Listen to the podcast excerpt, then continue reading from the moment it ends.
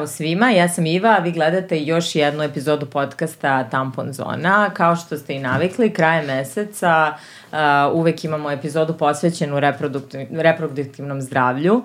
I ova tema o kojoj ćemo danas pričati, moram da kažem da, ste je, da su slušateljke negde nominovale i da ste je vi prepoznale kao važnu i kao nešto o čemu želite da govorimo glasnije. Uh, A, danas ćemo pričati zapravo o problemima pri ostvarivanju trudnoće i problemima pri začeću, o psihološkim izazovima koji su pred nama u tim trenucima i zapravo o jednoj temi koja je puna stigme, neke vrste strama i straha kada pričamo o njoj, a sve što nam treba jeste zapravo malo više a, progovaranja i neke podržavajuće atmosfere. Uh, sa nama je ovoj epizodi Folinova, više o njoj možete saznati u opisu ove epizode. A ja imam sjajne gošće koje će mi, eto, nadam se, pomoći danas da ovom da ovim razgovorom uspostavimo bar delić takve jedne podržavajuće atmosfere. Uh, sa mnom je Boja Ban Bojana Banković, psihološkinja, dobrodošla Bojana, uh, i Tatjana Bojović, ginekološkinja, dobrodošla Tatjana. Bolje vas našla. Samo da ispravim da. Bojana Tripković. E, jel jeste? E, u poslednje vreme gošće mi sve ispravljaju prezimena, ali to je potpuno da, okej. Okay. Da, da. Bojana Tripković, dobro. Uh, najavila sam vas i voljela bih da pričamo o ovome iz dva ugla. Tatjana, vi ste tu da negde damo medicinski okvir. Nećemo puno ići od, u detalje, zato što sam shvatila da je prekompleksna tema okay. i ne možemo sad da otvorimo sva pitanja i da damo odgovore na, na, na sva pitanja, ali hajde da, ne, da postavimo neke te osnove. Uh, A, meni su, ja sam imala jednu malu anketicu pre ove epizode, a, gde sam postavila ženama pitanje koliko vremena im je trebalo da ostvare trudnoću i najveći postotak njih, recimo 38%, je rekao da je to bilo do godinu dana. Uh, ali sve ostalo je bilo, dakle, više od godinu dana je bilo recimo 10% i odgovor je, uh, postojala opcija za 3 i više godina i još uvek pokušavam, je bilo nešto 20 i nešto posto. Um, hajde da možda krenemo od toga, uh, Bojana, od tebe i ti zapravo imaš iskustvo rada u savjetovalištu sa parovima koji su imali uh, problema sa začećem. Uh, možda nam progovoriš nešto više o tome kako je tebi bilo, šta si ti iz tog iskustva naučila uh, I šta misliš, da li misliš da je ova tema stigmatizovana i zašto je toliko stigmatizovana? Eto, šta tebe to iskustvo pokazalo? Da, kad te si me zvala da pričam o ovoj temi, onda sam kao razmišljala koliko je prošlo godina od kada je savjetovalište otvoreno, znači 10 godina. I uh, ja i dalje radim i imam klijente koji idu na proces van telesne oplodnje i, i dalje sam u šoku da to nije ja sam u jednom trenutku mislila da većina ljudi zna o tome, da ono, sve se priča otvoreno, međutim i dalje je to uh, tabu tema i dalje ne znaju ljudi mnogo o procesu van telesne oplodnje, kroz šta žene prolaze, kroz šta parovi prolaze. Tako da mislim da je super što si zvala da pričamo na tu temu i da nekako treba da otvorimo ovaj, mnogo razgovora kako bi se što više čulo. Uh, Ono što sam ja naučila uh, tamo jesam da je ljudima više nego mnogo, ako što mogu tako da kažem, značilo što su mogli da dolaze na besplatne konsultacije pa i na psihoterapijski rad, što parovi, što ove, posebno muškarci, posebno žene. E, mi smo mogli da im e, ispričamo o samoj proceduri ako je tu dobio neko ko je tek ulazio u proces van telesne oplodnje, znači šta treba da urade, šta od analiza treba, e, koji ustanovi da se obrate i tako dalje e, do ove rada na njihovim emocijama, praktičnim problemima, emotivnim problemima, partnerskim odnosima i tako dalje i tako dalje i naučila sam uh, koje su to stvari uh, na koje se, da kažemo, ljudi sapliću, odnosno koji su, koja je to problematika uh, koja ljude m, dovodi do udaljavanja od ostvarivanja ove, uh, odnosno dobijanja dece.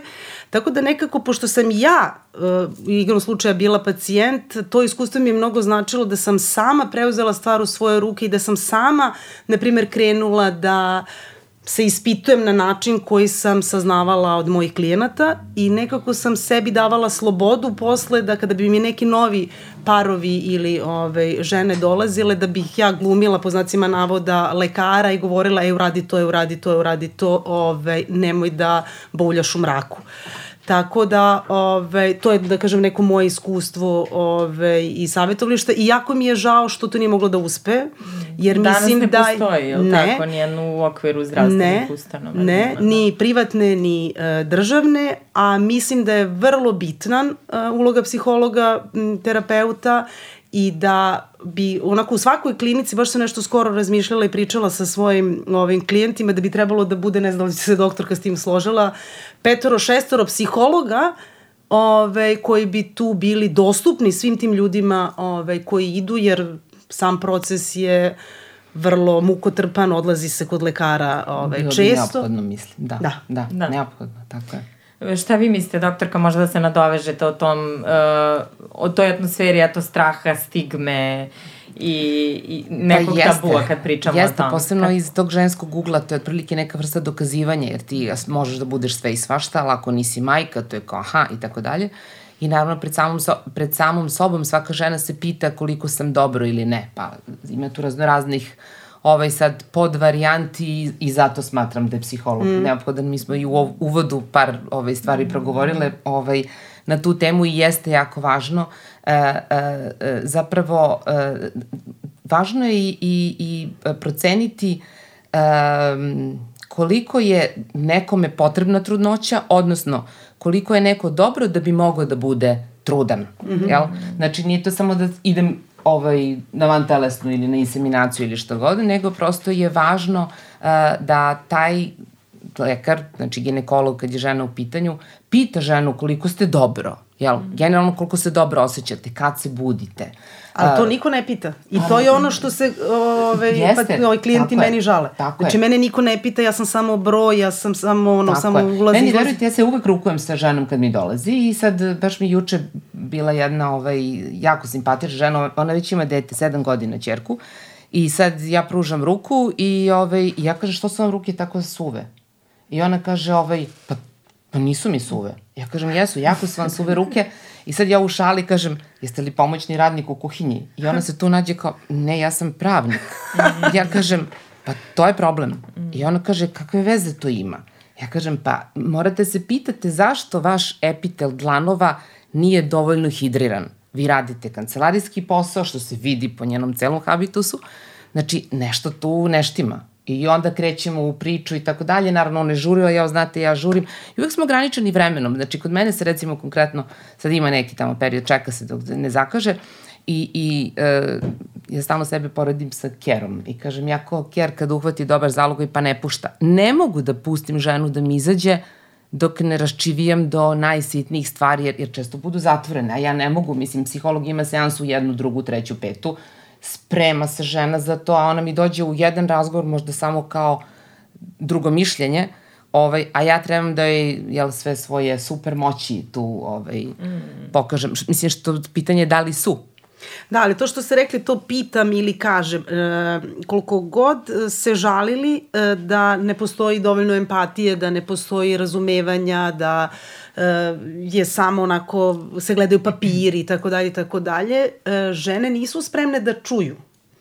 Jeste. Da im se nešto kaže, da im Tako- se, da se upute negde, tako nego je. prosto samo očekuju prosto to neku nežnost, Jeste, razumevanje, jeste, jeste, jeste. tapšanje po ove... Ja neki put budem krajnje spontano, to iz mene izađe. Prosto deluje mi uspavano, deluje mi kao da, kao da, da, važi, jel? Jer, e, e, naravno, distanca između pacijenta i lekara mora da postoji.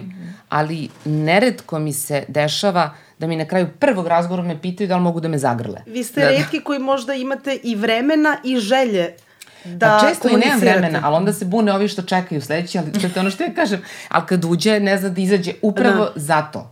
Jel? Da, mislim da je, uh, ja sam zapravo sledeće pitanje htela da vam postavim koli, kako da pripremimo telo pre nego što poželimo trudnoću, a zapravo se radi o tome da ne treba pripremimo samo telo, nego treba nekako celi Sebe. da budemo spremni Da, na to. da. I taj društveni konstrukt i taj neki imperativ da postanemo majke jeste prisutan i dalje. I, i dalje se to ako ne možemo ili ne uspevamo to u određeno u određenom nekom roku smatra nek, nekom vrstom da smo izneverili sebe i druge i društvo da smo failovali jednostavno eto da kažem ovaj uh, žargonom. Uh, koliko ti društveni pritisci su danas prisutni Bojana? Kako ti se čini? Iako živimo u 2023. godini e, ovaj društveni pritisak e, je prisutan i nekako kao da vreba I to ono isto na što se žale dosta ovaj, uh, klijenti. Uh, zato što je prvo, evo skoro mi je bila jedna klijentkinja koja je došla baš razočarana i povređena od strane svojih najbližih, jer svrata su je pitali kako, ti, kako je sestrić. Pa su je, ne znam, ja sutra otišla kod nekih pa su je pitali kako joj je, opet ne znam, brat, ove, od brata dete i tako dalje i tako dalje.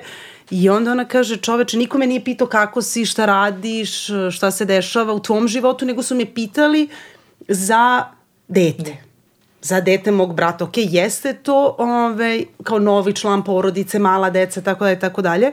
A ona je, znači neko ko je u procesu van telesne oplodnje, ko nema dete, ko se bori za to i njoj, na primjer, to strašno para uši. Znaš, ko ja sam nevidljiva Niko me nije pitao ni kako sam, ni šta radim, ni ti, nego su me pitali za tu ulogu. I to ono što ste malo pre rekli, vas kroz ulogu gledaju. Jeste. Znači, ona je tetka. Ona nije individua sa svojim imenom i prezimenom, svojom karijerom, nekom ili ne znam ja. Znači, prvo je ta nekako, ili si majka, ili si tetka, ili si ujna, ili si, mislim, ove, kroz I to pitanje, rodni... ja se izvinjam, ali to pitanje zapravo evocira njenu poziciju u primarnoj porodici. Jer je kad je ona, ona je žena, mislim, normalno ide na telenu, bit će majka, a njen brat je muško. Da. Znači, to je, to je klasika. To je ono što ja često pitam na osnovu ponašanja žene u anamneziji, kad koja sad treba u porodičnoj anamneziji, pa kao za sve da pitam, i onda kažem, vi imate brata. I onda to sad se moj suprug šali na, na moj račun kao, ovaj, kao, sad će ona da vam kaže da li imate mlađeg ili starijeg brata ili sestru, što je zaista to, to se tako. Vidi. To da. se vidi. To se vidi, to može se vidi. da se... Tako. Ali, na primjer, isto kao taj društveni pritisak prilikom zapošljavanja na posao. Da li imate dete, nemate jeste, dete, jeste. znaš, da li će neko da vas jeste. primi, neće da vas primi. Mislim, to je sve pritisak ovaj, koji, na primjer, za mladu ženu koja želi da bude i uspešno u svojoj karijeri, da, je li ti? I da bude majka, ovaj, u današnje vreme postaje problematično. Mm. I to je ono sam, da se vidim, jel? Pa kao, da, da postanem vidljiv, jel? Mm -hmm.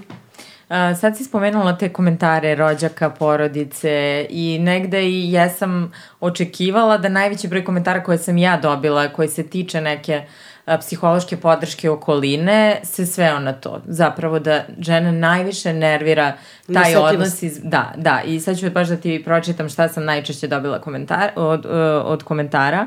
Ali to je uglavnom bilo to opusti se, čuveno pitanje kad će, uh, kaže nedostalo me da me neko samo zagrli i ne postavlja milion pitanja, uh, dosta su odmažeći saveti poput samo se opustiti ili upiranje prstom ko je kriv što još uvek -hmm. nema deteta.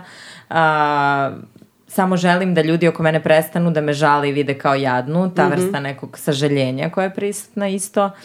I razumevanje je reč koja se pomenula, ja mislim, 200 puta. Da samo, dakle, ne toliko pitanja, nego jednostavno neko razumevanje.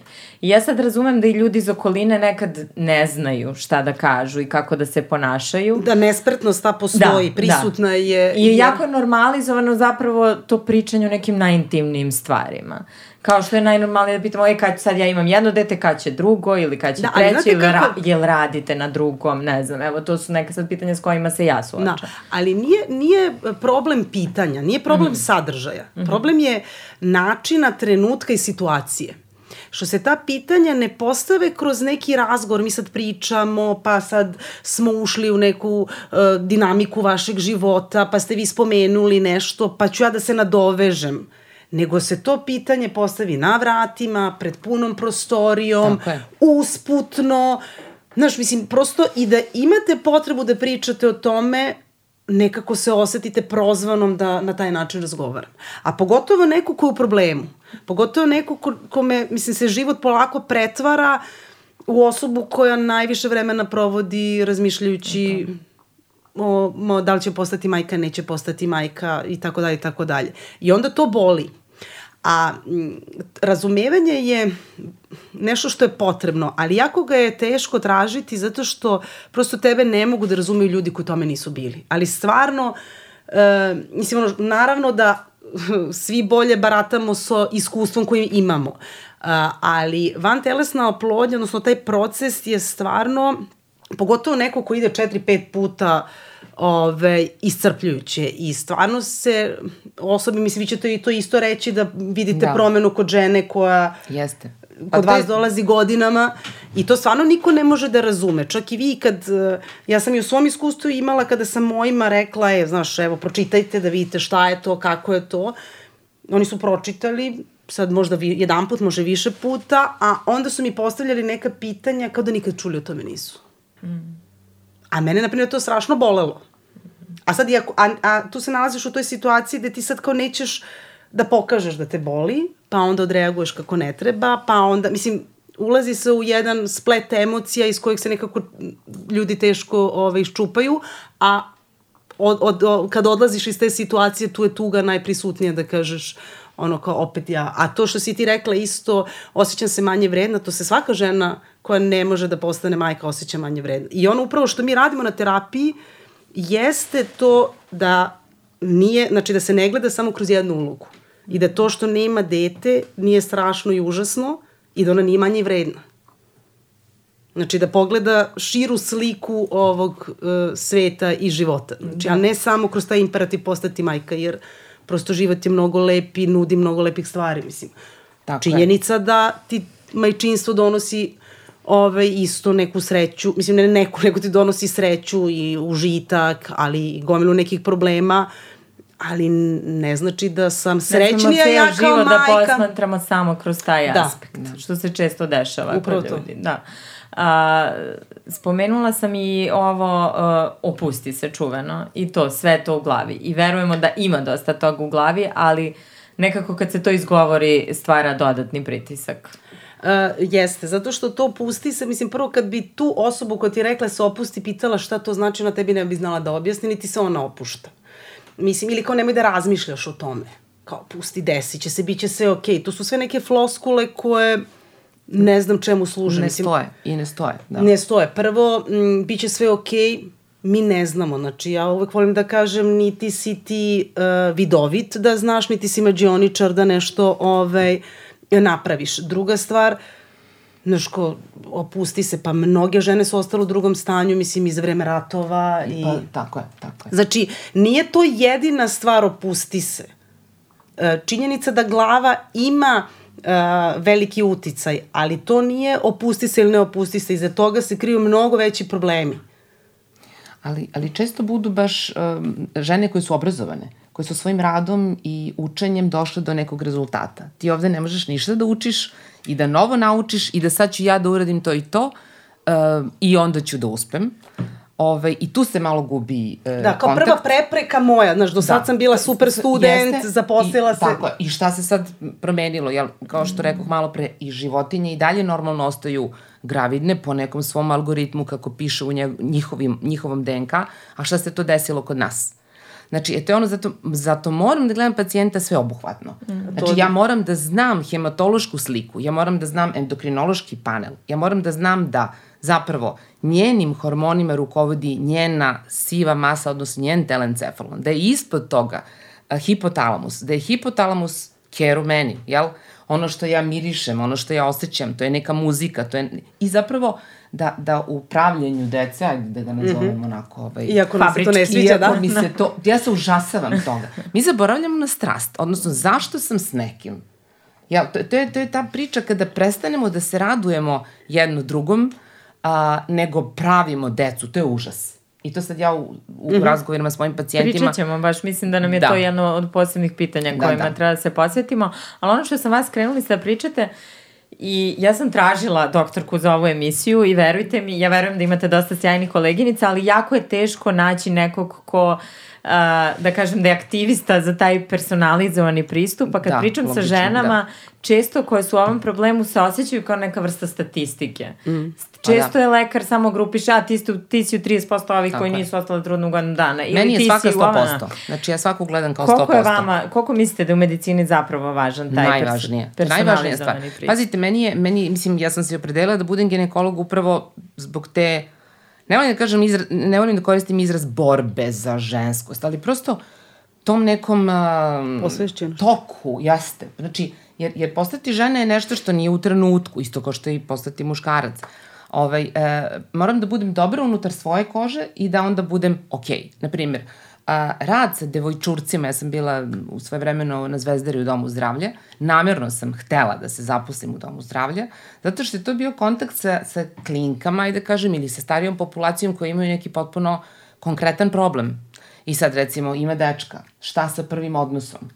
A, šta je, koji je to prvi pregled? Jel ja sam sama, kad sam ja bila klinka, bila na tom nekom pregledu u ustanovi koja se bavi, jel, adolescentnom ginekologijom i bila sam jezivo razočarana. I... Nažalost, mislim da većina nas taj prvi pregled Tako bude... je, tako i onda je ja tad sa svojih koliko sam imala večet dug jezik, kažem ko vama dade diplomu i tako dalje. Znači, jel to zaista tako jeste? Ako ja nemam taj, uh, tu empatiju za tog nekog mladog koje mogu da zamislim šta, šta joj se dešava jel, u glavi, nego budem gruba ili se napravim pametna, ovaj, ona je onda izgubljena.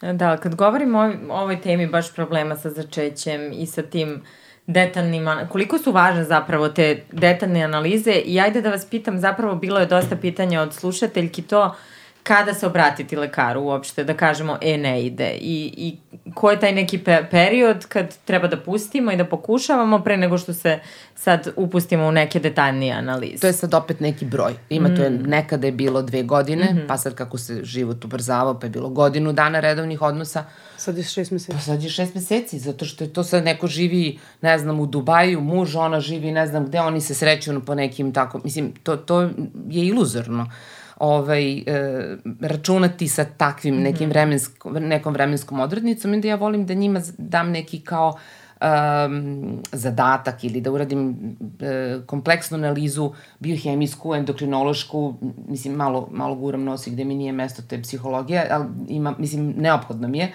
E, I onda zapravo napravim da budu dobro, pa im stavim u broj, jer neko ko je ekonomista, njemu recimo broj mnogo znači. Da ne znam, tog i tog dana uradim te i te hormone i da ona vidi da je to okej okay. i kažem, evo sad, je, sad su ove, menstru, ove menstruacije, odnosno ovulacije dobre, imaćete odnose ne u plodnim danima, nego tad kad vam je lepo. Znači, Da, to ja gde isto. jeste da uživate jedno u drugom. I naravno, suprug se moj bavi muškim sterilitetom i sad naravno on to gleda onako striktno broj spermatozidi, kol, kakvi su pokretni, nepokretni i Mm. tako dalje. I onda često u našim intimnim razgovorima, pošto radimo u dve ordinacije odvojene, onda sad suprug ide kod njega, pa dođu zajedno kod mene i ko, rekao mi je doktor Đorđe da je meni sperma, ja kažem, a to nema veze. Vi muškarci, vi, kak, jedan spermatozoid, ma, vi ste potpuno nebitni. I onda su oni kao tu, kao kako mi nebitni. Mislim, eh, hoću da kažem da je to sve uh, lepote u oku posmatrača, što bi rekli. Znači, da to zaista mora da bude odnos, da je to komunikacija njih dvoje, da niko od njih dvoje nije objekat. Mm -hmm, da, su, da su oni zapravo tim, da, da zapravo će oni sutra i da se bave tim detetom. Da, ali to je to što ste rekli bavi detetom. Tu se uopšte ne razmišlja o detetu. Jeste, Tu se razmišlja o bebi. jeste. I ne, naš, mislim, žalosno što mnogi parovi posle koji su se borili da ostanu, odnosno da dobiju to dete, posle prosto tu anksioznost koja ih je pratila prenose ovaj, na dete, prenose na svoje odnose, mm. tako da mislim, ukoliko to što ste vi rekli, Jeste. volim da, im- da, da se bavim, eh, ovaj, da guram prst tamo da mi nije mesto, ali ja imam dosta klijenata koga leka, koga, koje lekari pošalju kod mene.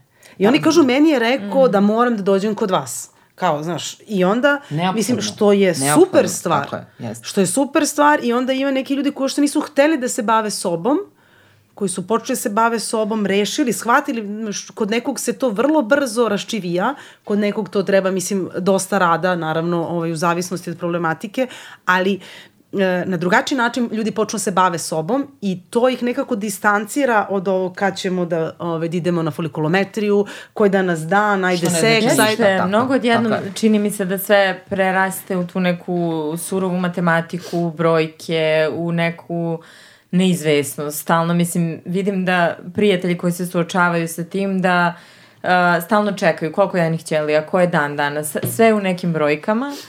I javlja se ta neka vrsta priopterećenosti, gde, gde samo tokom celog e, svog svakodnevnog života razmišljate samo o tome. Ja, na primer, e, nisam imala iskustvo da sam dugo čekala i nešto se borila, ali sam ušla u to e, sa, sa znanjem da ću možda imati poteškoća zato što sam imala operaciju na grliću materice, zato što imam policistične jajnike za, i tako dalje. Dakle, predočeno mi je da ću vjerojatno imati poteškoće. I ja sam sad sa tim ušla odmah sa nekim preopterećenjem. Tek sam kao krenula da radim na tome, isto mrzim ovaj izraz, ali mm. upotrebit ću ga.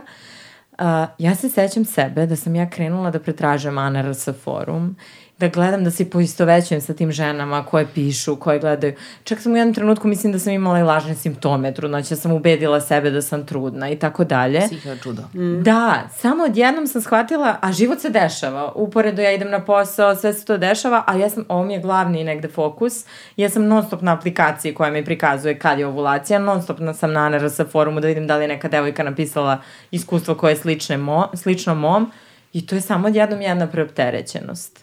I sad, kako skliznuti u to? Kako da ovo bude samo još jedan aspekt života, a ne nešto što... E, pa, pazite, ja, na primjer, e, kao što sam rekla, bila sam u, u procesu van telesnu plodnju, sva sreća nije, nije to dugo, dugo trajalo, ove, ali e, ja nisam ošte e, htela da se bavim time kad mi je ovulacija, kad treba da imam odnos, da li je, šta li je, nego prosto lekar se bavi time, ja mm. živim svoj život i uživam. Znači, e, strašno sam se plašila da mi e, seks ne postane obaveza jer sam imala priliku da razgovaram sa gomilom ljudi koji više nisu uživa, znači to je bilo pravljanje dece. Znači, to nije bilo sve od seksa, od uživanja, od strasti, od ono što, no. što, o čemu vi pričate. E sad, e, mi svi mislimo, mislim, to je da ono što pomislimo, što zaželimo da će se ostvariti i da ću ja sad znaš, dobiti ovo, dobiti ono, između ostalog dobiti dete. I onda polaz, i da ja moram da budem majka, da moram da budem uspešna, pogotovo i imperativi ovaj, današnjice, i da je to sve, mislim da je život tako nekako jednostavan, lep, lak, da je to uživanje, da je to ono, jedna sigurnost, što je zapravo jedna velika zabluda. I uh, kada razmišljaš o tim stvarima, znači postoji mogućnost da bude majka i da ne bude majka. Ok, većina žena je majki, ali Znaš, ko, ja ne znam u koju kategoriju ja, mislim, ću da se svrstam. I ja ću da živim do trenutka dok ne postanem majka, tako? Znači, neću da se bavim time da ja moram da postanem majka, da moram da rodim dete, da moram ovo, da moram ono. Jer onda taj zahtev nas udaljava od ostvarivanja želje u tom smislu, što bi rekli glava je čudo, i od ostvarivanja drugih životnih ciljeva i želja i onda ja postanem i anksiozna i, i, i depresivna i razočarana i povređena i moj život je ovaj, pakao. Mislim, kao što žene vole da, da govore, odnosno katastrofa, ovo ludilo iz kog neću nikad izaći. I to je znači ono da se vratim, što sam sad predaleko, kako da ne upadnem u to da je moj život, ovaj, eh, odnosno da Bože, sad, sad mi sade modak, mozak, kako da ne upadnem u, u tu zamku, jeste upravo to, dozvoliti sebi. Dozvoliti sebi da, znači ono, u vidu želje, da možeš, ali ne moraš nešto da ostvariš. I automatski ti sebi nekako olakšavaš olakšava život, jer to što kažeš iščekivanja, pa mislim, mi non stop iščekujemo nešto, samo što nekim stvarima damo značaj, nekima ne damo. Tako je. Znaš, a imam uvek dve stvari. Znači, ili je dobro ili loše. Ne postoji treće. A mi sami svojim uh, razmišljanjem o tome uvodimo te neke podkategorije koje su nepostojeće. A kad sebe naučiš, znači, ili jeste ili nije, mislim, ili ću uspeti ili neću, da li je to, ili ću imati jajne ćelije ili neću, ili će se napraviti embrion ili neće, ili ću ostati trudna ili neću. Znači, kada gledaš tako, onda pripremaš sebe na tu mogućnost da ako mi ovog puta ne uspe, da to nije strašno, da to nije užasno, da se neće srušiti svet, da ja nisam manje vredna i tako dalje i tako dalje, da bih ja volela da uspe, ali da ne mora, da je život lep. I onda učeći sebe kako u životu može da se funkcioniše na drugačiji način, a ne ovaj, učeći sebe, da kažem nekako... Da mora. Da mora i to je nekoj mračnoj strani gde je to katastrofalno, gde je užasno, gde moj život nema smisla, gde sam ja jadna jadnica, bla, bla, bla. I na taj način prosto sebe uvodiš u loše emocije i loše funkcionisanje i onda ono što mi u psihologiji volimo da kažemo proročanstvo koje se samo ostvaruje, eto vidiš, ja sam znala da se to meni neće, znaš, ja, ja sam znala da sam ja bas, baksu. Žrtva, ja sam da. žrtva, tu sad ti neki modeli iz te primarne porodice, a zapravo je ideja da, ok, dešava se loše, ali to je sve neka škola. Sad pričamo o tom partnerskom odnosu. A, stičem utisak da često kada se parovi nađu u problemu ovaj, sa začećem, da nekako prestane komunikacija o tome, da to se ne dešava i dešava se neka vrsta prekida komunikacije, sam seks postaje neko sredstvo za postizanje nekog cilja, a ne Uh, baš je Đurđa kod koje si bila u podcastu u Raljama rekla da seks treba da nam bude i vrsta neke igre i mhm. uživanja mm -hmm. i tako dalje. Tako je. Postane, tako. Postaje zapravo neka tehnička stvar.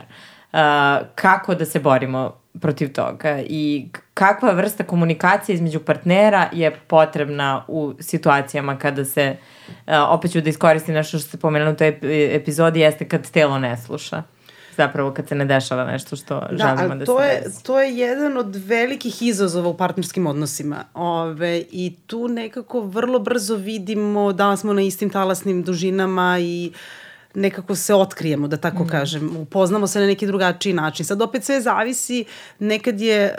Uh, muškarcima više, mislim, ne više stalo, ali prosto oni su ti koji pritiskaju, nekad je žena ta koji te pritiska. Uh, svako na svoj način doživljava problem u, kome se nalaze. E sad, u zavisnosti od načina kako su oni komunicirali uh, pre problema, znači koliko su bili otvoreni, jer prosto ljudi, to je, na primjer, ja često srećem u psihoterapiji, imamo super odnos. A onda kad uđeš malo dublje, znači tu nema ni sve od supera, mislim, prosto to je samo odnos u kome nema konflikta. Ali tu je potpuna odvojenost, mislim da kažem, paralelni neki životi.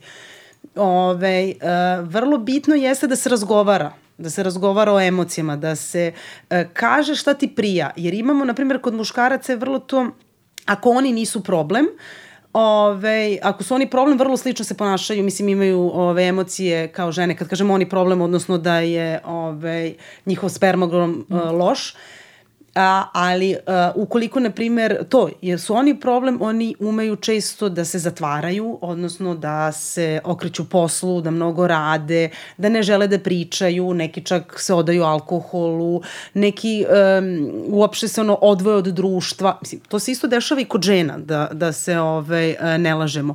Ali nekako su žene te koje mnogo više žele da razgovaraju o tome. I one, njih, na primjer, često umeju da se žale da muškarci ne učestvuju, jer je li ti sve na meni, što jeste, mislim, žena je ta koja prolazi kroz ove samu proceduru i uh, ona bi mnogo da priča o tome i njoj to mnogo znači, njenom partneru to na primjer, strašno smeta, boli ga, otvara rane i tako dalje i tako dalje. E sad, tu, tu je uloga tih, mislim, terapeuta, odnosno njihova svesnost koliko hoće da rade na svom odnosu i ovaj, odlasku ovaj, kod nekog trećeg lica ukoliko sami ne mogu da, da reše taj problem ovaj, vrlo bitna, da ih nauči kako da komuniciraju, da ih nauči kako da se razumeju, da nauči kako da čuju jedno drugog. Znači to i sad e, ženama je to postane na primjer e, vrlo naporno čak i da ne mogu ni da imaju seks u onim danima kada ne trebaju da imaju, jeli ti, njih nervira da moraju da imaju seks onda kada one hoće i onda se tu dolazi do ove, rasprava, svađa, udaljavanja, Ove, što naravno dalje predstavlja drugi problem i e, mislim da je tu vrlo bitno o otvorenosti, ono što vi kažete na slavama šta se priča, otvorenosti da kad smo nas dvoje tu zajedno da kažemo šta mi prija, šta mi ne prija, odnosno se dogovorimo kako ćemo se ponašati i da budemo otvoreni i iskreni. Mislim, jer imate vi, e, na primjer, kad muškarac ćuti, ona ne zna jer i strah je da ga pita, na primjer, i to se dešavalo, znaš, da li će ostaviti, neće ostaviti, i onda ona počinje da se bavi kad on izađe, da li je otišao, da li je video se sa drugom, da li nije, mislim, to sad ulazi u drugi niz, mislim, ovaj, problematika koje su se otvorile, možda su i ranije i postojale, samo su se sad, ovaj, zbog načina na koji rešavaju ovaj problem ili ti ne rešavaju, samo izašlo na, na, na video. Ali mislim da je ta otvorenost, iskrenost o svojim osjećanjima, svojim željama, ovaj, vrlo bitna. Mislim, kao i u svakom, znaš, i kad u se radi, odnosu, u svakom da, da odnosu da, da. bilo koji problem, znači da, da kaže šta ti treba. Ljudi misle, e, to isto sad, e, pošto se sve plasira, ovo ko znaš sve nešto lepo, sve svi uživamo, stalno je taj pozitivno Jeste, i užitak da. vrlo bitan, misle da je brak spontanost. Mi svi težimo tim spontanim trenucima, ali ti, znaš, ono što si stari, što imaš više obaveza, ti trebaš da imaš neki plan, kao i plan ishrane, kao tako i... Je, tako znači, je i da ti i da uh, taj plan ne znači rigidnost, ne znači odsustvo spontanosti. Tako je. Tako Ali je. znaš, mora da postoji neki dogovor, mora da postoji neka smjernica. Mislim, ja često volim da kažem, čekaj, znali ste kako ćete da dođete do mene? Imali ste dve, tri alternative puta. Znači, niste krenuli pa da ste lutali. Znaš, tako i ovo. Znači, mi treba da znamo šta usrećuje naš odnos, šta jedno voli, šta drugo voli i da mi to radimo mislim, ne bili pomogli. I da budemo iskreni prema tome, da li, mislim, mnogim ženama jako znači kad im partneri kažu, ove, ko što je, na primjer, meni moj partner rekao, ja sam s tobom, imali mi decu ili ne? Znači, prosto, a vi imate neko ko ove, kaže ja želim decu mnogo, znači to mi je vrlo bitno u životu, tebe volim, ali prosto, znaš, nema, i tu nema ljutiš. Mm. Mislim, i to se dešava, ali tu treba, znači, tu treba biti iskren i uh, ja volim u razgovoru sa svojim klijentima često da pričamo o tome i mislim da je vrlo bitno trenutak kada ti shvatiš, odnosno prihvatiš da nećeš imati decu. Da je velika šansa da ti ne dobiješ dete i da tu realnost prihvatiš kao Kako se to normal... prihvati? Ako... Pa, ja opet se vraćamo, opet se vraćamo na ono ili može ili ne može, jer nama se ne ostvari svaka želja. Znači, sad kad bismo počeli Mora da pričamo... jednostavno uvek da bude prisutna tu ta opcija da to Da bih ja, ja jako bih volela da živim u luksuznoj vili, ja bih jako volela da moja deca budu uspešna, ja bih jako volela ne znam ja šta sve, da ne nabrajem. Ali, znaš, isto tako sam svesna to ne mora da se desi. I prihvatam to. Ja ću da radim na tome da se to desi. Ali ne mora da bude loše ako se ne desi. Ali ne mora da bude loše ako mm, se ne desi. Da. I onda kad ti dozvoliš, to je, e, to je ta opuštenost uma, opuštenost glave. Do, dozvoliš sebi i svom životu da ne bude onako kako si ti zamislio. I zašto I, ga zamišljati uopšte? Jel? To je ono, radimo jedno po jedno, kao prvi razred, drugi razred, treći Upravo to, razred. stepenik po stepenik. Ne mogu da, tako. I onda, mislim, znaš, ti se nikad, ti, uh, uh, ljudi mešaju to prihvatanje sa, ove, uh, kako se zove... Odustajanje može e, uopšte. I, i, sa, I sa da. odustajanjem i to kao prihvati, ja to volim. Mm -hmm. Ne, prihvatiti znači prihvatiti realnost, prihvatiti život stvar onakvim kakav jeste. Znači, postoji mogućnost da se ne ostvarim kao majka. Znači, to je teško i mene će to uvek boleti. Znači, isto kao što će me boleti, ne znam, mislim, ne mogu da poredim isto, ali isto kao što vas gomila nekih stvari boli u životu što niste uradili, što se nisu ostvarile. Tako je. Mm, A ne da moraš, imaju tako imperativ je. taj da moraju yes. i ove, isto kao, mislim, ovo kao što nas povređuju drugi. Mislim, nas drugi ne povređuju namerno. Nego mi znači, sami mi sebe imamo, zapravo, mi tako imamo nismo taj, pripremili. Znaš, mi imamo yes. taj zahtev da oni ne smeju, odnosno da oni moraju da imaju e, prisutno u glavi stalno da smo mi u problemu i da paze šta će da nam kažu, da paze kako će da nam kažu, kako će se ponašaju, šta će da nas pitaju i tako dalje i tako dalje. A opet i da. njima trebamo da damo dozvolu da oni žive svoj život, jer pazi, to što smo mi u problemu, mislim, to je naš problem, a ne Jeste. problem. I ne treba njima uputstvo za rukovanje nama, jel? To znači da zapravo nisam dobro. Što sam onda tu, jel? Mislim, ako sam na toj nekoj imaginarnoj slavi. Uh, Uh, kad smo kod drugih i toga, jedno od pitanja koje se isto dupliralo, tripliralo i tako dalje, jeste to da su se ljudi javili da osjećaju zavist prema ljudima koji imaju decu i da im je, nije lako ni da budu prijatelji, ni da budu deo svakodnevnog života sa prijateljima koji su se ostvarili u roditeljstvu. I baš je jedna žena napisala da je užasno grize savest i užasno je teško da kaže Ja mrzim ljude koji imaju e, decu trenutno. Da, ali to je vrlo interesantno. Mi, na primjer, ovako, kad sad uh, ja pričam, jer radim ovaj, sa emocijama, pa se sve emocije spominju. Mislim, mm. i ako ne zna, ja ovaj, nudim. Ali uh, onako širokim javnim masama se zna za depresiju, za anksioznost i za bes. I to, je to. I to su to. Mm -hmm. Znaš, i kao, da li, znaš, kao, gde spadaš? Uh, o uh, zavisti se ušte ne priča. A to je isto emocija kao što i ljutnja, kao što i bes, kao što i tuga. Koja mnogo troši. Zavis tek troši. Da, ali to je i prosto ista yes. emocija. Jednako, Ta emocija je. polazi od, od mislim, uh, uh, nastaje iz toga znaš, da neko ima nešto što ja mislim da meni treba da pripadne. Da ja moram da imam.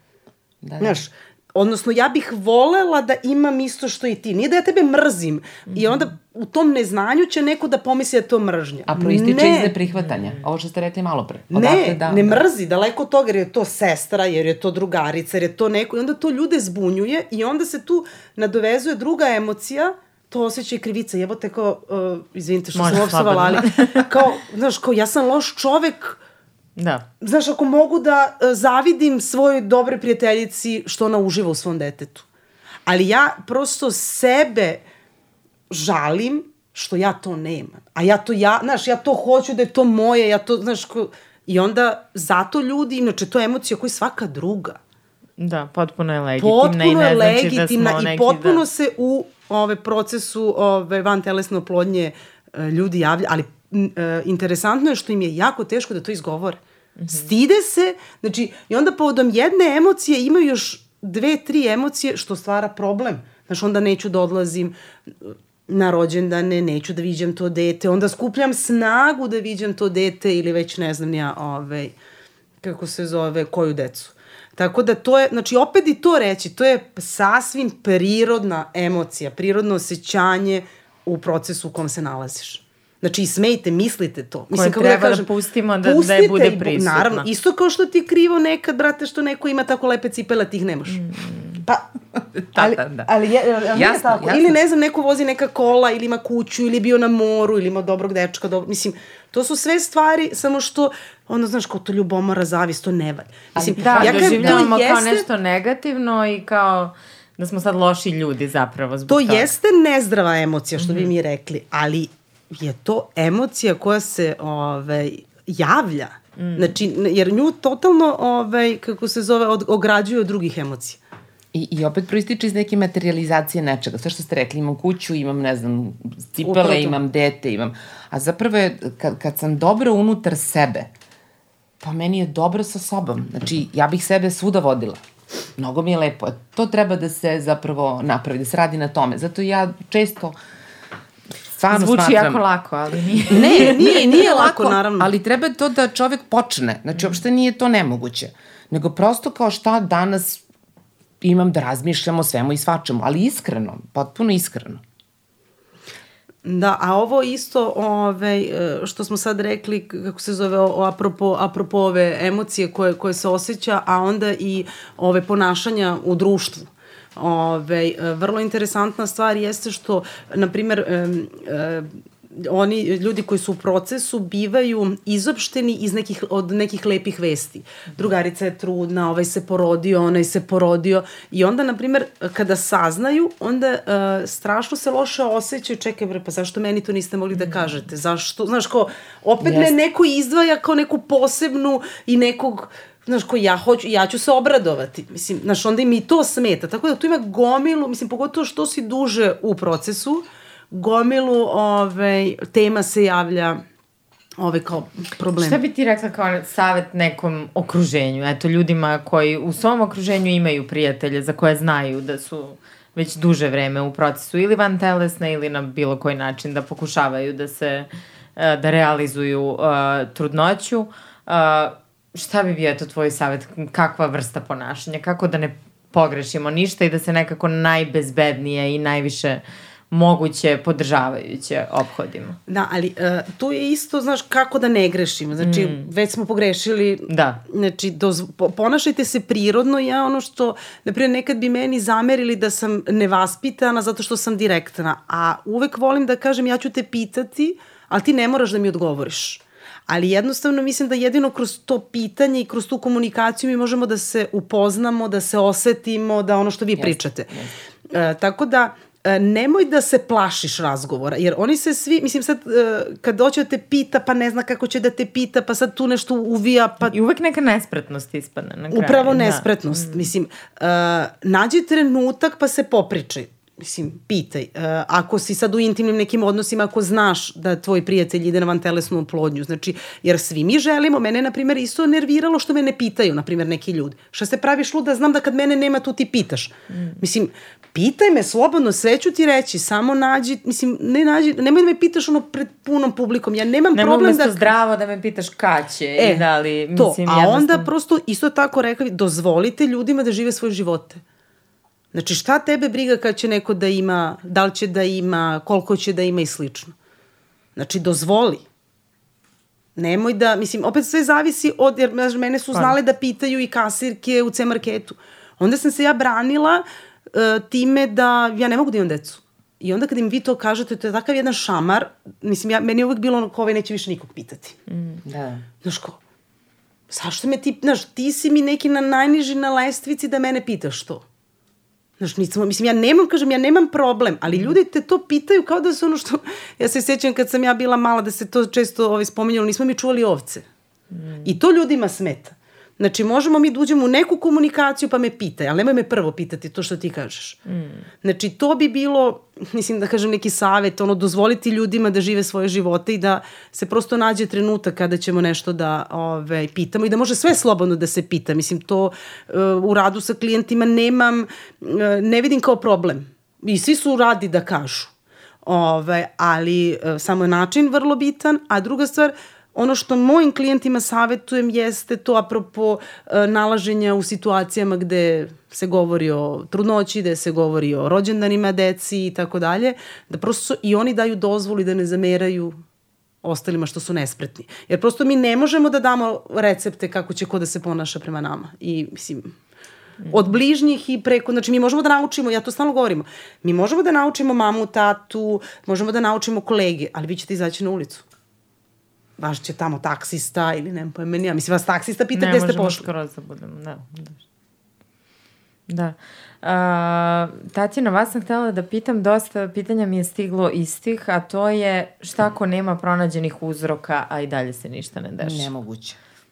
da, nemoguće da nema. Da. Mislim, mora da ima, samo nismo dobro gledali. Mm. Znači, sve to nekako moramo kao slagalicu, jel? Mm. Bacimo sve delove ovaj, na sto i sad postoji nešto što prosto je zajednički imenitelj. Moram negde nešto da ovaj, prošaram. E, ima tu strašno mnogo, je mislio jedan jako drag par, skoro su mi bili, ovaj, ja očekujem, bukvalno kad god pomislim na njih, jer meni se dešava i da sanjam pacijente, ovaj, e, pa pošaljem poruku kao, uradite to i to.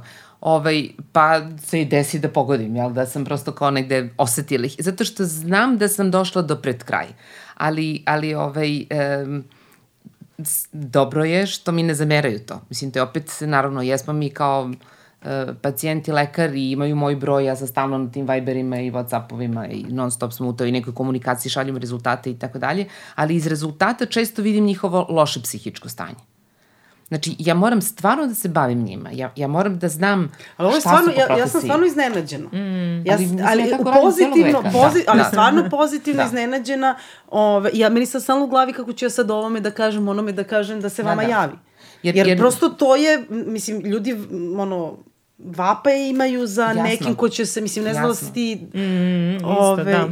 Jer moram da znam, znači ja, ja praktično kroz te neke analize kad nešto imate šta god, uh, onda uradi, uradi to i to, ja kažem šta je bilo pre tri nedelje. I onda kao žena, a kao, kao, kao, kao u stilu kao da li imam ja neke, uh, samo, samo pokušavam da svedem na neku priču, to je neki tok, jel? Znači moram da ga nekako doživim. Kao što sam rekla na početku, baš doživljaj. Sve mi je u doživljaju. E, zato se neki ljute, pa mi tamo ovaj, na Google stavljaju zvezdice i kao promašile diagnozu, nikad se ne pojavi. A to je sujeta. To je, to je sujeta kao... Dobro, mislim, pazite, sigurno i vi grešite, znači niste... Ne, ne, to sve stoji, da... nego ovo tačno znam, jer, jer ja pamtim zanimanje. Ulazim u to odakle su roditelji, često pitam, znači iz kog kraja, mi smo mala zemlja. Mislim, ja pod zemljom smatram ovu bivšu SFRJ, da, da. jer to jesmo mi, realno. Ja i Bugare, i Rumune, i to sve smatramo Mađare. Sad sam skoro bila kod nekog kolege koji je Mađar. To je jako sličan model razmišljanja ja sam od moje pacijentkinje jedne koja mi je preslatka isto, evo sad kako pričam pa mi dolazi u, ovaj, ona je iz Banja Luke, ona mi je bila na par nekih pregleda i tako dalje, uglavnom u svojoj nek, preko 40 godine, potpuno spontano ostala trudna, iznela je tu trudnoću, bila mi par puta, rekla sam nema više da mi dolaziš, ima u Banja Luci lekara koji ću ti đavo ja. Sve ovo što pričamo ovako i to ta, ta neko moje ulaženje u te neke sitne detalje, meni neki taksista čovjek dolazi i kao ostavlja neki paketić poklon mi, jel? Kao ona i posle to napisala, kupila mi je knjigu žene koje trče sa vukovima. Mm -hmm. Ja sam prvi put čula za ovu Klarisu, tako beše. Mm -hmm. ne, ne ona, ona je psiholog žene. E, da, da, nisam ni ja čitala i da, znam da, da, ko je da, da, prevodio, da, ali još nisam da. E, jer zapravo to su uh, priče da, da od davnina, to, to, su, to su bajke, mm -hmm, to su mhm. basne. Mm -hmm. to, to je ono na, čem, na čemu smo svi odrasli, jel? E, zašto crvene cipelice? I sad nju su te moje neke priče tokom tog mm. procesa ajde kažem, lečenja, u stvari, rekla bih, rehabilitacije to, to bi, duše. Što, bi, što, bismo, što smo mi radili, bilo je ove, na fakultetu analiza bajki. Mm -hmm. Upravo da, to, to, to. Ove, kao šta je, je simbol vuka, šta je simbol crvenkape, crvene tako kapice tako i šta uopšte ta... Mislim, tako, tako da svaka bajka ima I, znači... Zapravo, moram da znam odakle.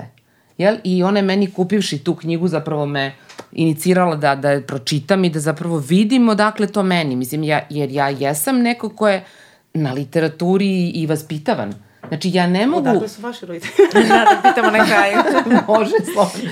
Da, e, zapravo je e, ideja da ja e, moram da znam šta je hteo pisac da kaže. Jel? Znači, ja moram da pročitam roman, e, kad, kad, ako me zanima, pa recimo, e, zašto je taj neko imao to i to, jel, u romanu? Kak, šta se tu dešavalo? Šta se dešavalo u njegovoj glavi? U kom periodu je pisao, jel, čovek koji je napisao, pa ne znam da li je to neki stvarno istorijski događaj. Znači, čitanje romana nije samo čitanje sad kao šta se desilo, jel? Mm. Ne, nego to mnogo toga znači. E, isto tako smo mi. Mi smo zapravo jedan, uh, jedan konglomerat ćelija, kabasti konglomerat ćelija koji hoda ovim svetom, e, nosimo taj DNK lanac od oca, DNK od majke, što sam nedavno na nekom skupu pričala, e, i mi oko 97% genetskog materijala ne upotrebimo nikad. Mi operišemo samo sa 3%. Znači, koliko smo adaptabilni. Znači, i moram da gledam sve obuhvatno, ne kao, ne znam, podelili smo endokrinolozi se bave sad štitnom žlezdom, ja sad kao ginekolog trebam da šaljem... Ali, na primjer, ja sam se, izvinite što vas da, prekidam, ništa, ali da. uh, često čujem kako ginekolozi se ne slažu sa endokrinolozima, endokrinolozi da. se ne slažu sa ginekolozima i tu dolazi do sukoba gde pacijent da. ne zna šta da radi. Šta da radi. I kome da veruje. Onda Zato imaš ove koje da. veruju, mislim veruju, ali da. prosto... Jasno. A, e, za razliku od nekada, sada se sve ostavlja odluka na, na pacijentu koji nema pojma. Mislim, onda oni istražuju, tamo Jeste. bave se naučnim radovima. Sami da, da toliko uđu duboko i u literaturu i u samu tu problematiku, meni je to malo... To jeste, a mi smo podelili ljudsko telo na 101 deo. Znači, Uh, I ja tako u šali kad mi dođu, jel, pa kažem, rekao je moj da to tako ne treba. Ja kažem, ja tvrdim da je super, zato što sam ja specijalista za levi jajnik. I onda sad ono naravno shvati da se zezam. Znači, ja moram da znam šta radi svaka žlezda, jer ja sam, pre nego što sam postala ginekolog, bila neki tamo lekar opšte prakse. Mm. Jel? I moram da znam sve to. Ja ne moram da budem specijalista, ali sve to što se tiče ne moram da se razumijem u tumore štitne žlezde, ali moram da znam šta radi štitna žlezda. Nije ona samo neka žlezda koja proizvodi neki tamo brojeve i da to ako se uklapa, i čak i ko je rekao, ko je postavio te referentne opsege. I to se menja, kako se sve sada menja. Pomerila se granica rađanja, što se ne bi pomerili opsezi tih referentnih vrednosti. Da, i to isto, kao da li, da li je TSH da, da. ovoliko, da li onoliko da se ljudi opterete Zato tim brojkama, a u principu česta, treba da se vidi... Ovaj, to me pacijenti ceo... pita, ili kako, pa to me niko nije rekao. Pa ja kažem, pa dobro, hoćete kažete da sam ja niko. Ne, ne, ne, kao izvinite, jer, jer ne, e, nije ideja, znači ja mnogo volim svoje kolege i, i to jeste zapravo ta, ta, taj protokol postoji da ne bismo pogrešili. Ali ne mogu da se držim toga ako pijem plota. Jel, ja, ja zapravo, uh, a, najviše volim kad mi dođu kao par, jer ja gledajući nju, uh, supruga često i ne pogledam, ali mi je on u vidnom polju, je vrlo dobro, gledam šta radi. Jel, i, I zapravo je to njen izbor. Ako je to njen izbor, ja puno saznajem o njoj. Jel, ili kad mi majka dovede čerku, pritom ta majka ima jel, godina, a čerka ima 42 i majka priča za čerku. Dobro, mi u takvim slučajima obično kažemo nek nam se javi čerka. Ne, ne, ne, pa ja sam to isto rekla. Ja... Znaš, ima, ima to, prosto Jeste, ima, da. koji, ako izvinite koliko ima godina, to, Tako je. 26, 35, Tako je. Pa nek se naravno. javi, mislim, znaš, tu, to, to ti stvarno sve govori, mislim. Jeste, da, da li je malo umna? Nije sve, ili ali, Pa, ovaj, Puno. Mnogo, Da. da. Ali kad pričamo o endokrinolozima, uh, koliko sam ja shvatila, oni su se skoro pridružili tu kao, re, kao regularni članovi ekipe i, I trebaju treba da, budu. da budu. Oni moraju da budu, jer, jer to, je, to je toliko blisko, to je sve jedna te ista tema, hematolozi. I da to se Pa mi ne možemo da odvojimo apsolutno ginekologiju od hematologije. Znači, te, ne znam, sve to, žena se kao, e, kakva je neka, jel šta god. Kad kaže, svako jutro ustanite, šetajte, da, bla, bla, bla, bla i tako dalje. Kaže ona meni, sad ja nju driblam, driblam, šaljem mi rezultate, dopisujem se s njom. Ja kažem, ne, to još uvek nije dobro, kao da se vidimo da dođe. Ako nemojte mi dolaziti, hoću da bude to i to i tako dalje. Da ne, ne davim. Uglavnom, a, onda kad mi dođe, kaže, zato ja ne mogu da, da hodam ujutru. I ja kažem, čekajte, ne može? kako ne možete? Pa kako se osjećate? Pa sad idemo u, sitna, u sitne detalje, jel? Kao, umorna sam, e, nemam koncentraciju. Pa ona Po čemu mi pričamo? Pa kako ja da znam? Pa kao ne dobra je krvna slika. Pa, nije. Jel nije? Zato postoje danas a, strašno široke analize koje nam mnogo stvari kažu, ali opet sama analiza kao apsolutna vrednost ne znači ništa, to je samo relativizacija a, toga. E, ja sam bila oduševljena, čerka je meni mlađa, ona je imala dve i po godine. Znači, to, je, to zvuči kao, mislim, imam svedoke s koji, suprug i, i, i sin koji nikad nije mogu da sastavi neki, e, neku slagalicu. Znači, e, kupili smo njemu slagalicu, nemam pojma koliko od delova, ona, ona do, do besvesti, neki jedrenjak je bio. E, i kako smo izabrali, mislim, tamna pozadina, more, jedrenjak, mislim, baš, baš onako nismo očigledno razmišljali. A dobro, te velike su obično takve. I Plavetnilo, da li more ili nebo? Ona je koja pričala je, naravno sve to ko niko na nju kao ne obraća pažnju, mi se bavimo starim detetom, ona je složila za to veče celu sliku. Šta je ona videla? E to je to, znači, zapravo ja moram da, kad mi neko to, a ona je mala, ona nema pojma šta je jedrenjak. Ona nije ni svesna bila na moru, ali šta je more, ne, nema pojma, jel? Znači, on, ona mora da ima u svojoj glavici sliku nečega. Koje su te nijanse koje ona videla? Ti oblici, jer su to oni, oni Da, da, da. oblaci, jel? Oblici, ne oblici. ali Ali bilo i na oblaka. oblake. da, da, da.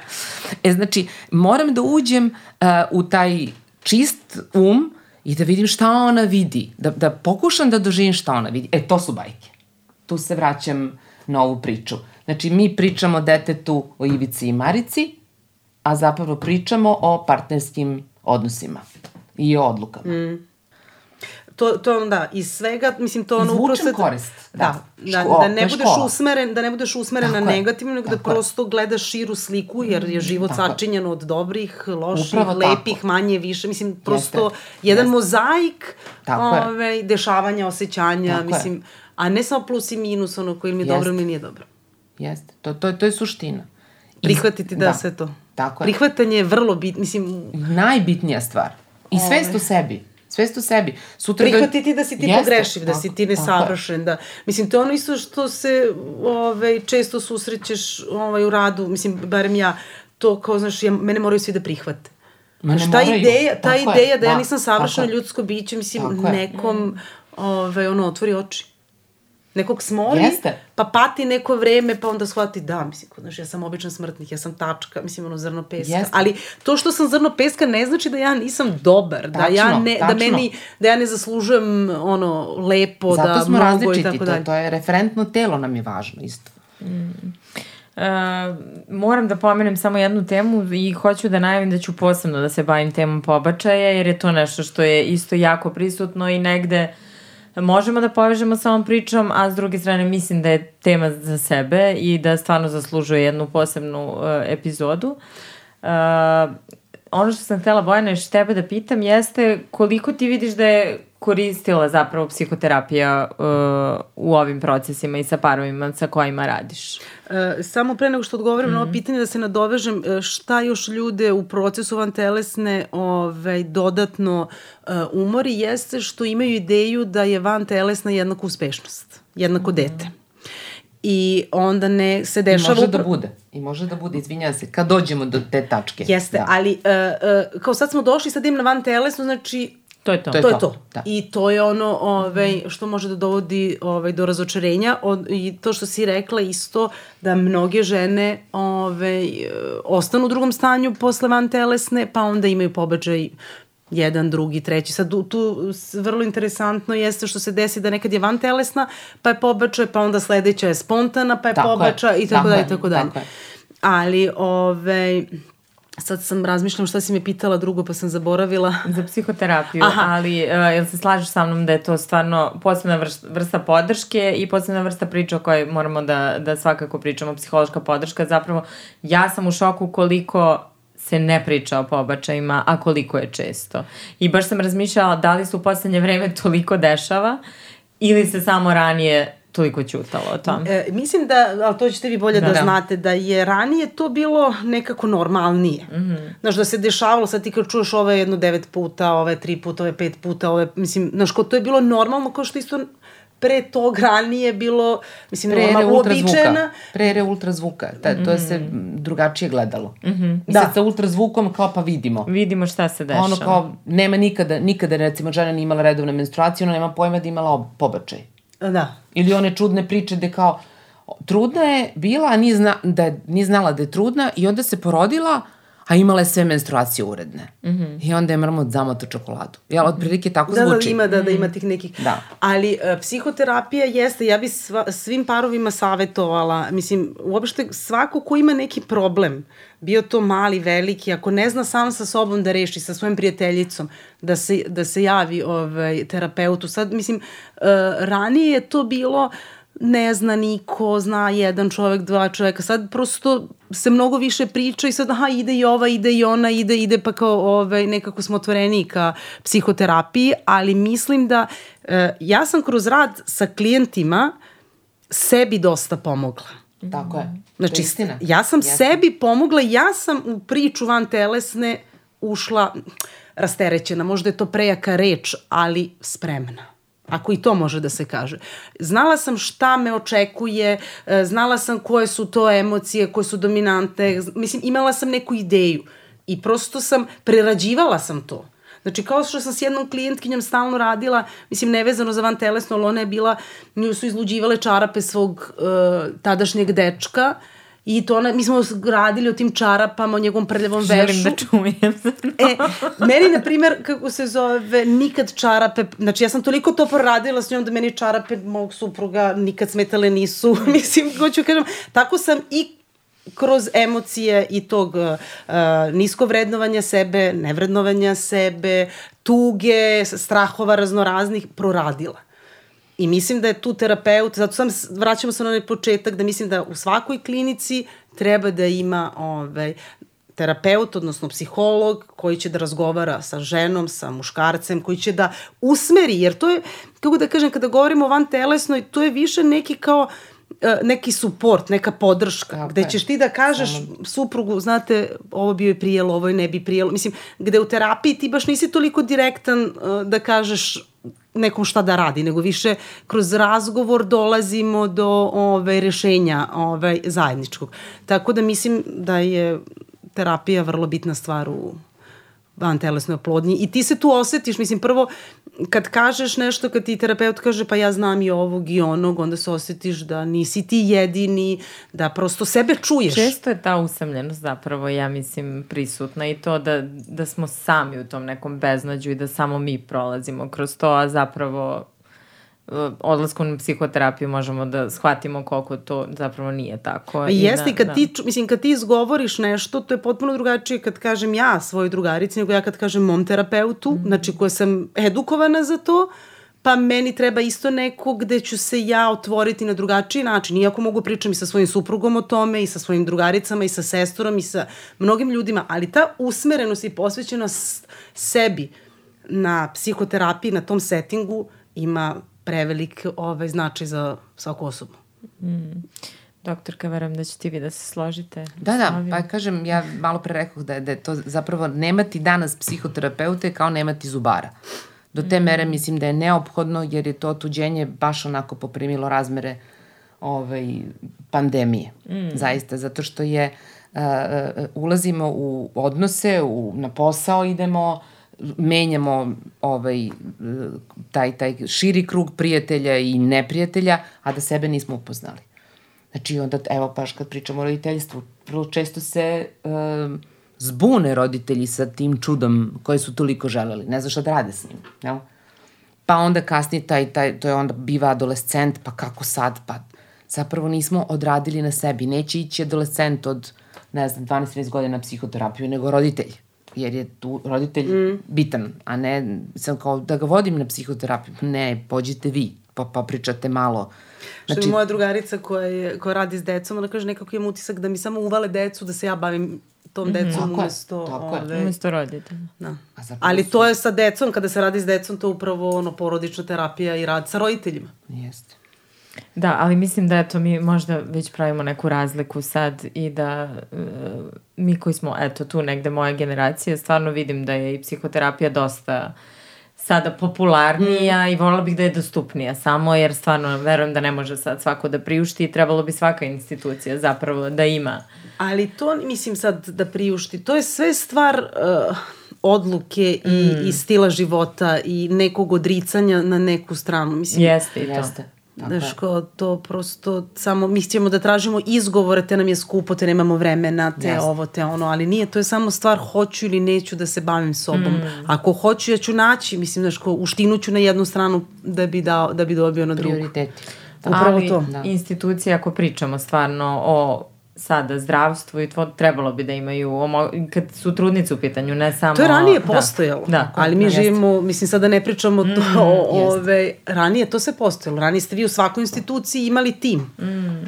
Mislim, ja sam bila na stažu u Dragiši Mišiću, ja sam uživala radeći tamo, jer se tamo svaki pacijent uh, posmatrao i radio s njim i psihijatar, odnosno lekar, i psiholog, i logoped, i socijalni radnik, i, i tehničar, odnosno sestra. A uh, pre mene 10-15 godina je bilo mnogo više psihologa, mnogo više socijalnih radnika i mnogo da, više ja, se radilo. Mislila, da. I to je, to je nekad postojalo, to je cvet, mislim kako kažem, cvetalo, bilo je divno i uživanje je bilo raditi i baviti se i pomoći nekome, mm. a sada nekako do pola može svako. Da se nešto čopao. Bez obzira na želju. Da, sad mi je krivo da završimo ovde razgovor, ajde da kažemo nešto pozitivnije za kraj. A, pa ne, ali dobro, da, to da dobro je da je tako. Gde, gde živimo, da to je naša realnost. Toga, da. Ali to je samo trebamo da pustimo da vidimo šta će iz ovoga da izađe. Da svako mm. radi ono što, ono što radi najbolje što zna. Ali, to je to. E, ja isto da kažem, ja imam dosta klijenata koji žive u inostranstvu i mi stalno pljujemo naše zdravstvo, naše ove... A, a, a tamo je, mislim da ne kažem, ne, super. da ne upotrebljavam reč Tako katastrofu, ali moja klijentkinja kada je dete bolesno, ima temperaturu, zakažu joj, znači, a plaća osiguranje, ono, mnogo velike Enormno, pare, da, da. ove, za dve nedelje zakažu Mislim, tako da, ove, ali ne trebamo da se bavimo to, time kako smo mi u lošem sistemu. Mi vrlo dobro znamo gde živimo. Mislim, tako svima je. od malena smo naučeni. Mm -hmm. Znači, mi treba da se bavimo kako sebi da pomognemo a ne da kritikujemo ove, i kudimo sistem i društvo i tako dalje i tako dalje. Naravno, trudit ćemo se i da ga promenimo, ali pre nego što promenimo sistem, daj sebe da promenimo, da sebi ugodimo, da sebi olakšamo, da, mislim, da. se naučimo kako da mislimo o stvarima koje nas okružuju. Um, da, ajde za kraj samo da, pošto će ovo slušati uglavnom žene koje se trenutno nalaze u problemu sa začećem, sve mi zvuči tako rogobotno što izgovorim.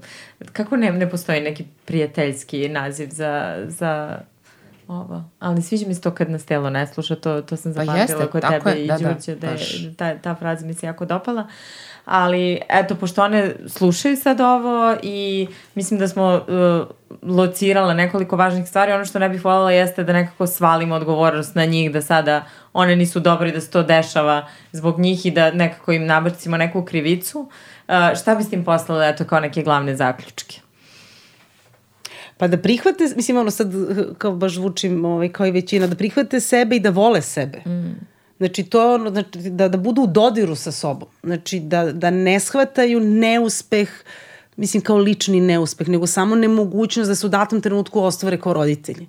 A ne da shvataju da su oni loši, da im je život loš, da su one jadne, da, mislim, prosto ovaj, uh, obezvređuju sebe, obezvređuju život, partnerstvo, mislim, i sve ostalo. Mislim, prosto prihvatiti sebe tako kakav jesi i truditi se da uživaš u životu mislim, koliko više možeš da sebi daješ, a ne da si fokusiran samo na nešto što ne može da dobiješ i da, opet kažem, prihvate mogućnost mm.